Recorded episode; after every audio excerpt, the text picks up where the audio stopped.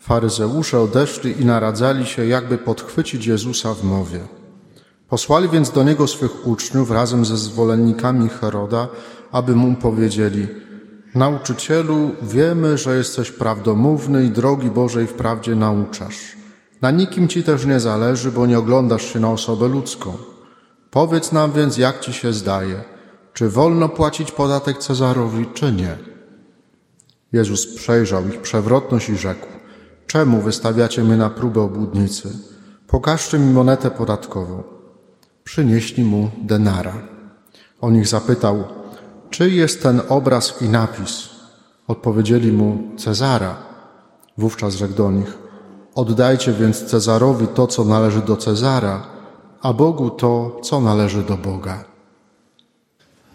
Dzisiejszy fragment Ewangelii należy chyba do tych najbardziej znanych, używany czasem jako, jest czasem jako argument za rozdzieleniem Kościoła od państwa, życia wiary od życia świeckiego, Bogu co boskie, a Cezarowi co cesarskie. Chcę jednak, żebyśmy spojrzeli na to dzisiejsze słowo jako na zachętę do praktykowania cnoty sprawiedliwości. Cnota sprawiedliwości wraz z cnotą roztropności, umiarkowania i męstwa należą do tak zwanych cnót kardynalnych. Cóż to są te cnoty kardynalne? Słowo, łacińskie słowo cardo oznacza dosłownie zawias. Więc te cztery cnoty kardynalne są takimi czterema zawiasami, na których zawierzone są drzwi naszego życia. Jak będziecie wychodzić z kościoła, to możecie zobaczyć te nasze drzwi wejściowe. To są te cztery, cztery zawiasy w tych drzwiach, to są właśnie cnoty kardynalne. I tak jak jeden, gdy jeden z tych, wystarczy, że jeden z tych zawiasów gdzieś tam szczeli, się zepsuje, albo drzwi z, z tego zawiasu zlecą, no to drzwi nie idzie otworzyć, nie idzie zamknąć. Po prostu to nie funkcjonuje. I podobnie jest z tymi cnotami kardynalnymi w naszym życiu, że one są potrzebne do tego, żeby te drzwi naszego życia, żeby nasze życie dobrze funkcjonowało, żeby te drzwi naszego życia otwierały nas na rzeczywistość nieba, żeby, żebyśmy mogli przejść po prostu do życia wiecznego. Więc mamy wytłumaczenie, co to są te cnoty kardynalne, ale ponieważ samo pojęcie cnoty dzisiaj jest bardzo, bardzo rzadko używane, no to trzeba sobie przypomnieć, czym tak naprawdę jest sama cnota. Co to są cnoty? Cnota oznacza pewną stałą, zdolność wybierania dobra i odrzucania zła. Mówiąc współczesnym językiem, cnoty to są dobre nawyki.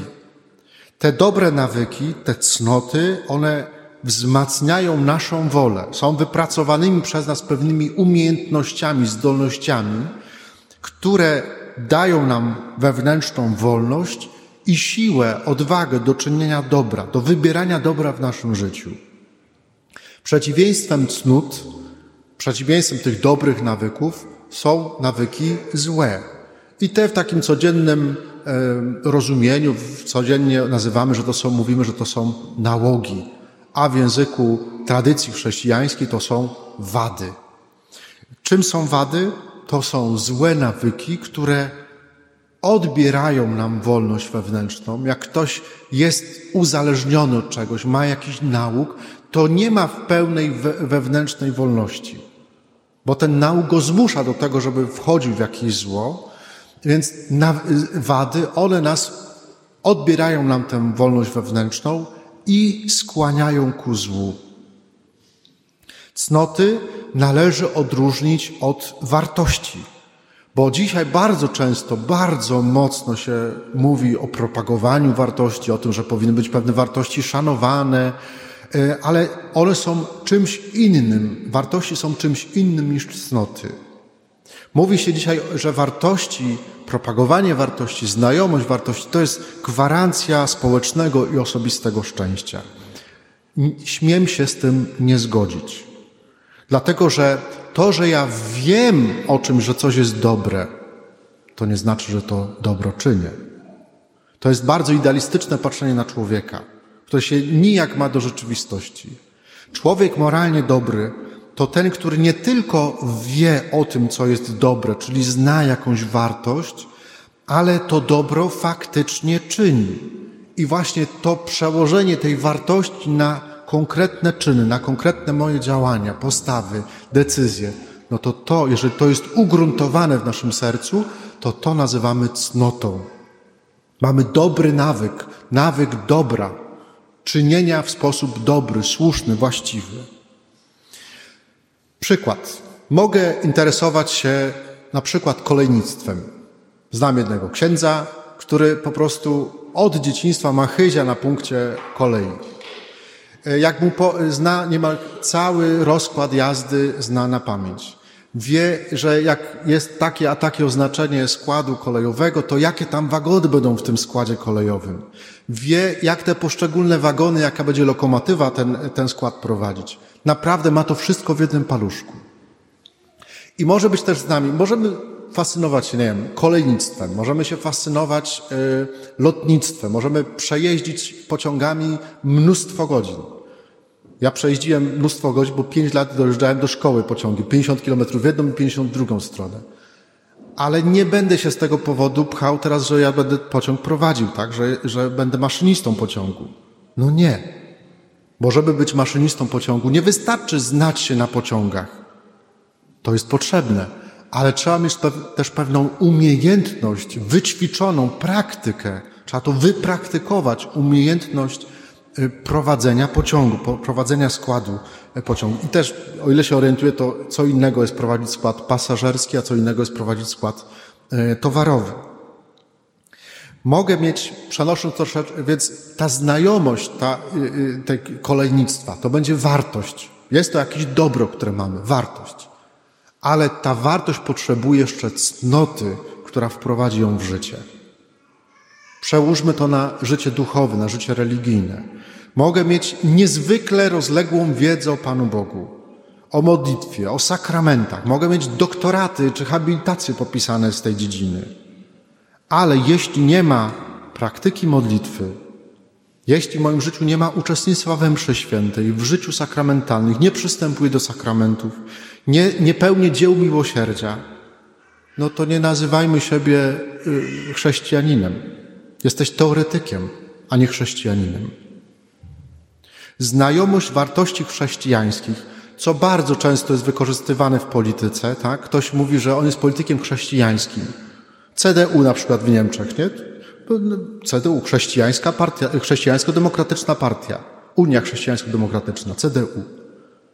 Ale jak się przypatrzy, jak to, że są chrześcijańscy z nazwy, nie ma nic wspólnego z tym, jakie, jakie decyzje polityczne podejmują. To, że sobie na standardzie ktoś napisze, jestem chrześcijaninem, że tą wartość będzie y, propagował, nie znaczy, że tym chrześcijaninem jest.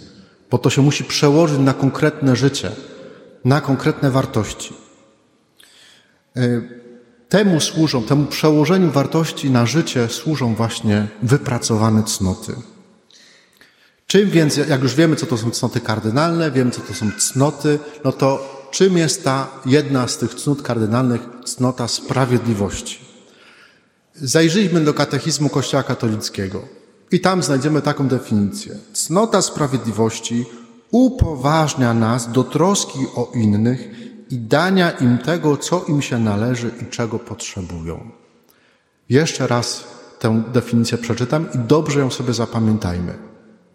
Cnota sprawiedliwości upoważnia nas do troski o innych i dania im tego, co im się należy i czego potrzebują. Dlaczego dwukrotnie czytam tę definicję? Dlaczego na nią zwracam uwagę? Bo w naszym takim codziennym myśleniu o sprawiedliwości myślimy dokładnie odwrotnie. Bardzo to odbiega ta definicja od naszego, codzien, od naszego codziennego myślenia o tym, co jest, a co nie jest sprawiedliwe. Najczęściej bowiem myślimy o sprawiedliwości nie jako o czymś, co ja mam zrobić dla drugiego człowieka, ale o czymś, co ktoś ma według, we, względem mnie zrobić. Myślimy bowiem o sprawiedliwości jako o długu, który inni mają względem nas, a nie jako o powinności, którą, którą my mamy jako względem innych. Zamiast myśleć o tym, co jestem winny, co mogę zrobić dla drugiego człowieka, automatycznie pytam, co mi się należy. Że to jest niesprawiedliwe, bo ktoś mi coś zabrał. To nie jest myślenie chrześcijańskie. Cnota sprawiedliwości mówi o tym, co ja mogę zrobić dla drugiego człowieka, a nie o tym, co drugi człowiek jest mi winien. W centrum takiego naszego powszechnego myślenia dzisiaj niestety stoimy my sami. To jest postawa samolubna. I to jest postawa małego dziecka, jak jest dwoje rodzeństwa i się będą kłócić i mama y, teraz nałoży jakąś karę na jedno z tych dzieci, to co to dziecko powie? To niesprawiedliwe, bo to on to zrobił. Więc słuchajcie, to jest, jakby to pokazuje, że troszeczkę nam to, ta nasza kultura pewne rzeczy wykrzywiła, dokładnie na drugą stronę. Tymczasem Pan Jezus dzisiaj w Ewangelii, stąd się właściwie wziął ten temat kazania, mówi bardzo wyraźnie: Oddajcie Cezarowi to, co należy do Cezara, a Bogu to, co należy do Boga. Cnota sprawiedliwości mówi nam o tym, co my możemy zrobić dla innych, a nie o tym, co inni mogą zrobić dla nas. Jest nawykiem oddawania innym tego, co im się słusznie należy. To my jesteśmy dłużnikami sprawiedliwości, a nie inni. Oczywiście sama sprawiedliwość to jeszcze nie wszystko. Pan Jezus nie mówi bądźcie sprawiedliwi i, i kropka. Nie. On mówi coś więcej. Jezus chce, żebyśmy zrobili krok jeszcze dalej. On mówi, ma, macie kochać bliźniego swego siebie samego. A miłość bliźniego nakazuje dawać innym nie tylko to, co słusznie się im należy, to jest sprawiedliwość, tylko miłość bliźniego mówi, daj drugiemu bliźniemu to, co tobie się słusznie należy. I to się dzieje w normalnie funkcjonującej, kochającej się rodzinie. Co robią rodzice? Dzielą się tym, co im się słusznie należy, ze swoimi dziećmi. Tak? Jeżeli ktoś pracuje, zaraz do tego dojdę, otrzymuje za to zapłatę, no to rodzice dają część tej zapłaty po prostu na utrzymanie swoich dzieci. W imię miłości bliźniego, ale także w imię sprawiedliwości, bo miłość bliźniego bez sprawiedliwości nie będzie funkcjonować. Jezus nakazuje oddać Cezarowi to, co należy do Cezara, czyli to, co nosi na sobie jego obraz. Ci faryzeusze przynoszą mu rzymskiego denara, tam był obraz Cezara i więc Pan Jezus mówi, ok, tu jest obraz Cezara, proszę oddać to Cezarowi. I dalej w tym samym kluczu mówi, ale Bogu oddaj to, co należy do Boga, czyli to, co nosi na sobie obraz Boga. Co nosi na sobie obraz Boga, czy w sobie obraz Boga? No to sięgamy do Księgi Rodzaju, do opisu stworzenia świata. W pierwszym rozdziale, wersety 26-27, czytamy tak. Stworzył więc Bóg człowieka na swój obraz. Na obraz Boży go stworzył. Stworzył mężczyznę i niewiastę. To my jesteśmy tym denarem, który mamy oddać Panu Bogu. Pierwszym, fundamentalnym wymiarem sprawiedliwości jest to, że jesteśmy winni oddać Panu Bogu samych siebie. O tym właśnie są pierwsze trzy przykazania i one właśnie dlatego są pierwsze, że są najważniejsze. Jeśli wierzę, że Pan Bóg rzeczywiście jest moim stworzycielem, to oddaję Mu w imię sprawiedliwości publiczną cześć, uczestnicząc w Eucharystii, modląc się. Nie tylko dlatego, że taki jest przepis, ale po prostu tak to jest ze sprawiedliwości też wynika. Oczywiście także z miłości powinno być, ale sprawiedliwość też ma tu swój ważny głos. Właśnie dlatego każdej mszy świętej, kiedy ksiądz śpiewa prefację, to ta prefacja zawsze zaczyna się tak samo. Zaprawdę godne to i sprawiedliwe, słuszne i zbawienne, abyśmy Tobie, Boże, składali dziękczynienie. Kiedy uczestniczymy w Eucharystii, to to jest wyraz naszej sprawiedliwości względem Pana Boga. Sprawiedliwość porządkuje także nasze życie takie codzienne, najpierw życie zawodowe. Człowiek sprawiedliwy to jest ten, który swoją codzienną pracę wykonuje najlepiej jak potrafi. W ten sposób oddaje sprawiedliwość swojemu pracodawcy, który powinien sprawiedliwie wynagrodzić wykonaną pracę. Więc jesteśmy dla siebie dłużnikami. Jeden względem drugiego. Święty Paweł dopowie jeszcze więcej. Mówi tak. Cokolwiek czynicie, z serca wykonujcie jak dla Pana, a nie dla ludzi. Świadomi, że od Pana otrzymacie dziedzictwo wiekuiste jako zapłatę. Służcie Chrystusowi jako Panu. Co to znaczy? Że pierwszym naszym pracodawcą to nie jest ten, który mi co, co miesiąc na konto wpłaca pieniądze. Pierwszym, który nas powołuje, daje nam pewne konkretne życiowe zadania, obowiązki. Pierwszym naszym pracodawcą jest Pan Bóg. I to On nam za dobrze przeżyte życie odpłaci w wieczności najlepszą ze wszystkich możliwych wypłat. To Bóg jest naszym pierwszym pracodawcą i gorliwa, rzetelne wykonywanie pracy należy się w imię sprawiedliwości Panu Bogu. Cnota sprawiedliwości chroni nas także przed pracocholizmem i chciwością, bo to ona przypomina nam o tym, że pracujemy po to, żeby żyć, a nie żyjemy po to, żeby pracować. Bardzo dzisiaj to jest nam takie rozumienie tej cnoty sprawiedliwości potrzebne. Zdobywamy dobra materialne nie dla samego ich zdobywania, ale po to, żeby się nimi z innymi dzielić. Nie możemy wkładać całej swojej energii, czasu w pracę ze szkodą dla rodziny i dla Pana Boga, bo to oni są pierwszymi, którymi winni jesteśmy oddać denar naszego życia. Jak ślubowałeś swojej żonie, że to ślubowałeś właśnie to, że oddasz jej denar swojego życia, że dasz jej siebie całego. Jak ślubowałeś swojemu mężowi, to właśnie to ślubowałeś, że oddasz całe swoje życie drugiemu człowiekowi i później dla waszych dzieci. I w porządku ludzkim to jest pierwsza rzeczywistość, gdzie ja mam tą sprawiedliwość, gdzie ona się wypełnia, że ja po prostu jestem dla moich najbliższych. Jeśli spędzam zbyt wiele czasu w pracy, jest, jeśli nie jestem osiągalny dla moich najbliższych, to sprzeciwia się to cnocie sprawiedliwości. Niesprawiedliwością jest także to, gdy małżonkowie lekceważą, nie zważają na swoje potrzeby duchowe, materialne czy emocjonalne, gdy są dla ciebie nieobecni, gdy po prostu zajmują się różnymi innymi rzeczami, byle tylko nie zająć się sobą. W tym samym kluczu sprawiedliwość prowadzi nas w końcu do włączenia się w rzeczywistość społeczną. I to mamy to rozumienie takie powszechne tego fragmentu z Ewangelii. Do dobra wspólne, dla dobra wspólnego płacimy podatki, podejmujemy jakieś służby, włączamy się w utrzymanie, nie wiem, e, kościoła. Mogą nam się niektóre podatki nie podobać, tak? No, jak myślę o podatku od deszczówki, to mi się po prostu wszystko wewnętrznie wywraca. Tak? No, no, wzięty po prostu z kosmosu, dosłownie. No ale niestety jest. Niestety jest. Więc podatki należy płacić. I od razu w tym miejscu robię wtręt. Księża płacą podatki.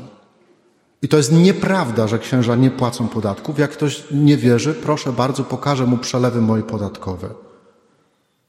To jest bzdura i kłamstwo, oszczerstwo, że księża nie płacą podatków.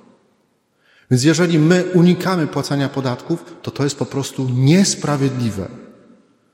Jeśli korzystam z jakiejś rzeczywistości, to się w to włączam po prostu także ze sprawiedliwości, że na ten cel płacę. Jeśli wy składacie swoje ofiary, no to, to jasne, Chce, macie jakiś tam cel, tak, składacie do koszyczka ofiarę na utrzymanie kościoła, nie na księdza. Jasne, że ja z książkami, czy ja, my z tego też żyjemy. Ale to jest w imię sprawiedliwości po prostu na, na to wszystko, z czego my korzystamy jako wspólnota parafialna. Jeśli mamy nasz cmentarz parafialny, tak? Jeżeli ktoś ma tam swoich bliskich pochowanych i nie, nie ponosi tych ofiar na wywóz śmieci, na utrzymanie tego cmentarza, no to to jest po prostu niesprawiedliwe. Nazwijmy to sobie po imieniu. I w każdej innej rzeczywistości, jeżeli my nie partycypujemy w tym, czego używamy, no to to jest niesprawiedliwe względem tych, którzy te koszty na co dzień ponoszą. Sprawiedliwość potrzebuje jednak jeszcze jednej rzeczy, już kończę. potrzebuje wsparcia łaski Bożej. To jest zdolność, której my możemy wyćwiczyć w sobie. Tak? To jest pewna umiejętność. Bycie sprawiedliwym to jest coś, co my możemy wypracować. Tak? Że zwracam na to uwagę, aż to przejdzie w nawyk. Że wybieram dobro. Choćby się nie wiadomo, co działo, wybieram dobro. Ale to, ta sprawiedliwość potrzebuje jeszcze wsparcia Bożej łaski. Potrzebuje jeszcze miłości. Bo jeżeli będziemy tylko sprawiedliwi, to jest po prostu nie do życia taki człowiek. Jak będzie ksiądz w konfesjonale tylko sprawiedliwy, a nie będzie miłosierdzia, no to po prostu to, to nie da się żyć z takim człowiekiem. I tak samo jest, my potrzebujemy tych czterech zawiasów, dlatego są cztery cnoty kardynalne. Drzwi nie wiszą na jednym zawiasie. Potrzebujemy czterech tych, ale potrzebna jest też w tym wszystkim Boże miłosierdzie, Boża łaska, po prostu miłość, taka ludzko, taka bycie człowiekiem. Bardzo. I dlatego też o tym dzisiaj mówię i dlatego ten temat kazania, bo jestem przekonany, że my dzisiaj bardzo, ale to bardzo potrzebujemy ludzi sprawiedliwych. Sprawiedliwych rodziców, pracowników, duszpasterzy, potrzebujemy sprawiedliwych e, polityków. Sprawiedliwych. To znaczy takich, którzy z Bożą pomocą w swojej codzienności, swoimi konkretnymi decyzjami, nie, nie sloganami, oddają Bogu i ludziom to, co im się słusznie należy. Amen.